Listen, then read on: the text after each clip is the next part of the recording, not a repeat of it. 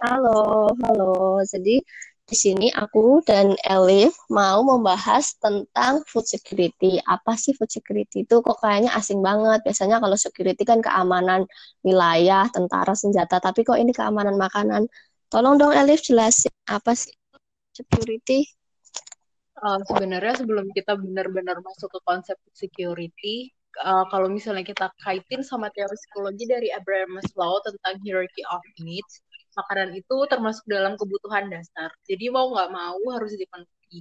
Nah, dengan terpenuhinya makanan, orang itu bisa hidup dan bekerja, uh, bisa melaksanakan banyak aktivitas yang pada akhirnya uh, bisa membangun peradaban, termasuk membangun negara. Nah, pada titik membangun peradaban ini, uh, ini bisa jadi suatu hal yang bisa kita lihat betapa ada kaitannya antara makanan dengan politik.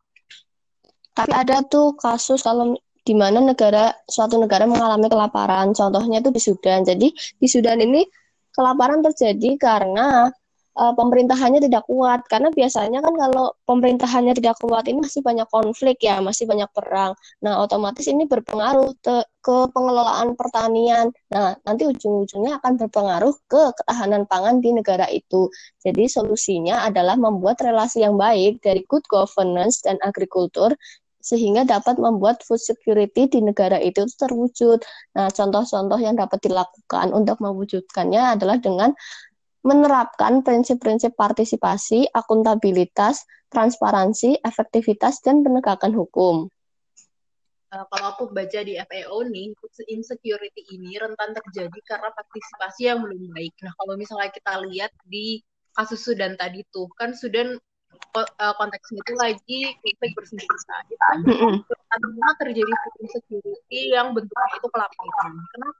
Karena partisipasinya itu kelihatan dalam hal bukan pasti dalam konflik bersenjata bakal lebih memikirkan dirinya sendirinya tuh uh, gimana caranya agar dirinya sendiri bisa menjamin keselamatannya sendiri uh, kan takut tuh kalau misalnya mau keluar tiba-tiba ditembak atau tiba-tiba injak ranjau darat jadinya kan orang takut tuh mengapa kain akhirnya aktivitas yang biasanya dilakukan dengan keluar rumah secara aman itu nggak bakal jalan termasuk para petani yang tugasnya adalah produksi makanan. Ini kan pasti terhambat banget.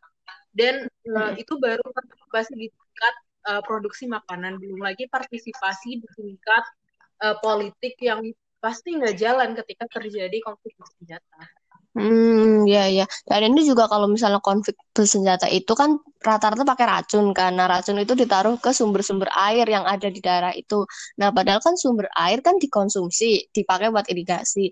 Nah, kalau misalnya sumber air yang udah teracun itu dikonsumsi sama kita ya, sama orang-orang, sama hewan ternak, Nah, otomatis kan bakal bikin kita dan hewan ternak itu keracunan.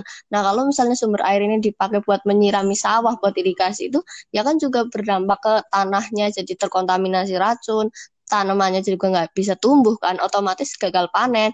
Nah, berarti kan sistem produksi pangan yang benar-benar awal itu produksi doang aja udah terhambat gitu loh karena adanya konflik ini itu padahal baru produksi ya. Hmm. Kalau misalnya produksi nggak mungkin bakal lanjut ke proses distribusi. Hmm. Nah, makanya kalau misalnya proses produksi ini udah nggak bisa jalan, pasti ujung-ujungnya juga kelaparan gitu loh. Yeah. Dan uh, ini pasti udah merusak banyak sendi-sendi kehidupan karena tadi yang katanya uh, Abraham Maslow bahwa makanan itu kebutuhan dasar yang mau nggak mau harus dipenuhi karena nggak bisa terpenuhi akhirnya banyak aktivitas yang dijalankan oleh manusia ini nggak jalan karena kebutuhan dasarnya aja belum terpenuhi. Mm -hmm. Tapi ada loh kasus di suatu negara di mana kebalikan dari si Sudan tadi, negara ini tuh sangat memperhatikan isu makanan dan nutrisi rakyatnya loh, karena mereka tahu kalau isu nutrisi itu penting banget buat kebutuhan dasar manusia, keren nggak sih? Wow, keren banget. Uh, tapi coba dengerin dulu nih. Jadi itu kan kasusnya di Kanada era Perang Dunia Kedua. Nah, awalnya isu nutrisi ini cuma buat isu buat perempuan sama buat ibu hamil. Tapi setelah tahun 1941, isu nutrisi ini mulai meluas dan diperhatikan juga buat laki-laki.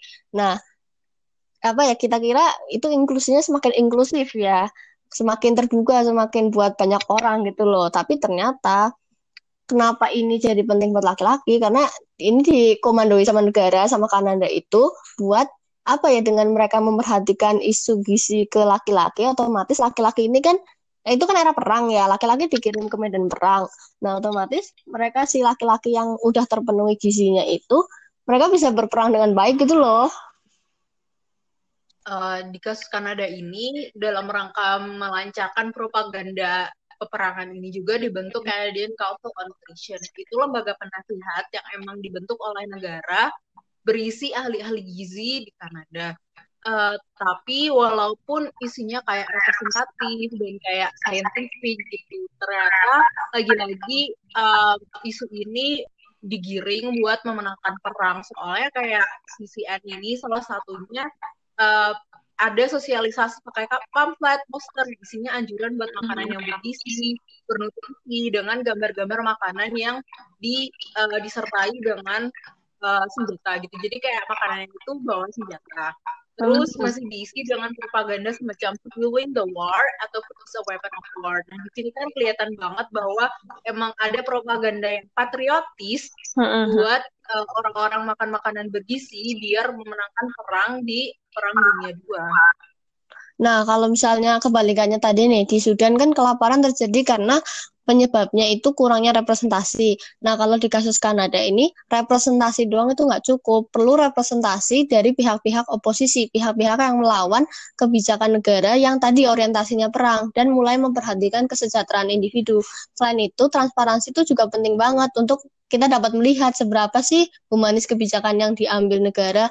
Nah, kalau misalnya kita lihat Kanada kan kelihatannya humanis banget ya memperhatikan gizi warganya gitu loh. Tapi ternyata kalau di tilik lebih lanjut lagi mereka apa ya isu isu gizi itu dipakai buat perang nah otomatis kan kayak kontras banget dengan apa ya prinsip-prinsip human security, ketahanan pangan yang tadi udah terwujud jadi semu gitu loh karena tujuannya lagi-lagi bukan untuk kemanusiaan kan. Di sini juga kita bisa lihat bahwa kebijakan-kebijakan yang diambil itu belum accountable atau belum bisa dipertanggungjawabkan mm -hmm. karena kayak kepentingannya lagi-lagi bukan buat publik, buat pemenuhan hak asasi manusia atau buat kebutuhan dasar, tapi lagi-lagi uh, buat kepentingan negara yang larinya lagi buat perang gitu loh. Ini kan sangat humanis dan efektivitasnya itu masih sangat dipertanyakan. Hmm, ya, ya, ya, setuju, setuju. Nah, jadi dari dua kasus tadi itu kita bisa melihat kalau isu makanan itu politis banget. Nah, tapi apa ya, maksudnya kayak dikiranya jauh banget, tapi ternyata tuh ya sedekat itu dan bisa dipolitisasi juga gitu loh isu makanan.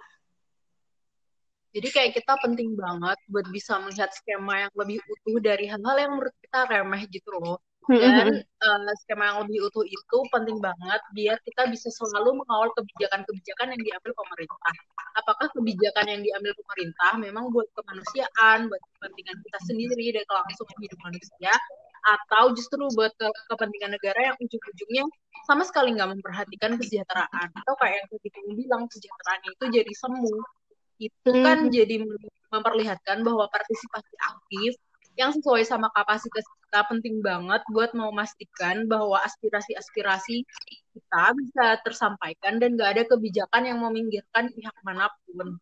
Hmm, ya, ya, ya. Jadi kita intinya nggak harus terus bergantung sama pemerintah kan. Kita juga harus melek informasi kan. Kita juga harus ikut mengawal kebijakan yang dikeluarkan pemerintah gitu loh. Jadi kita tuh berpartisipasi gitu loh. Kita nggak abai dengan kebijakan yang dikeluarkan oleh pemerintah kan benar banget. Ah benar-benar ya. Ternyata isu makanan nutrisi yang most likely ini low politics. Tapi ternyata itu memiliki kaitan yang sangat erat dengan perpolitikan dan negara ya. Laki-laki isu ya tapi jadi apa ya karena sang, sangat merakyat itu jadi males dibahas gitu loh.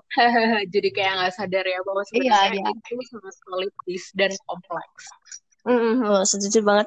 Ya, sekian dulu podcast dari kita. Bye bye. Bye bye.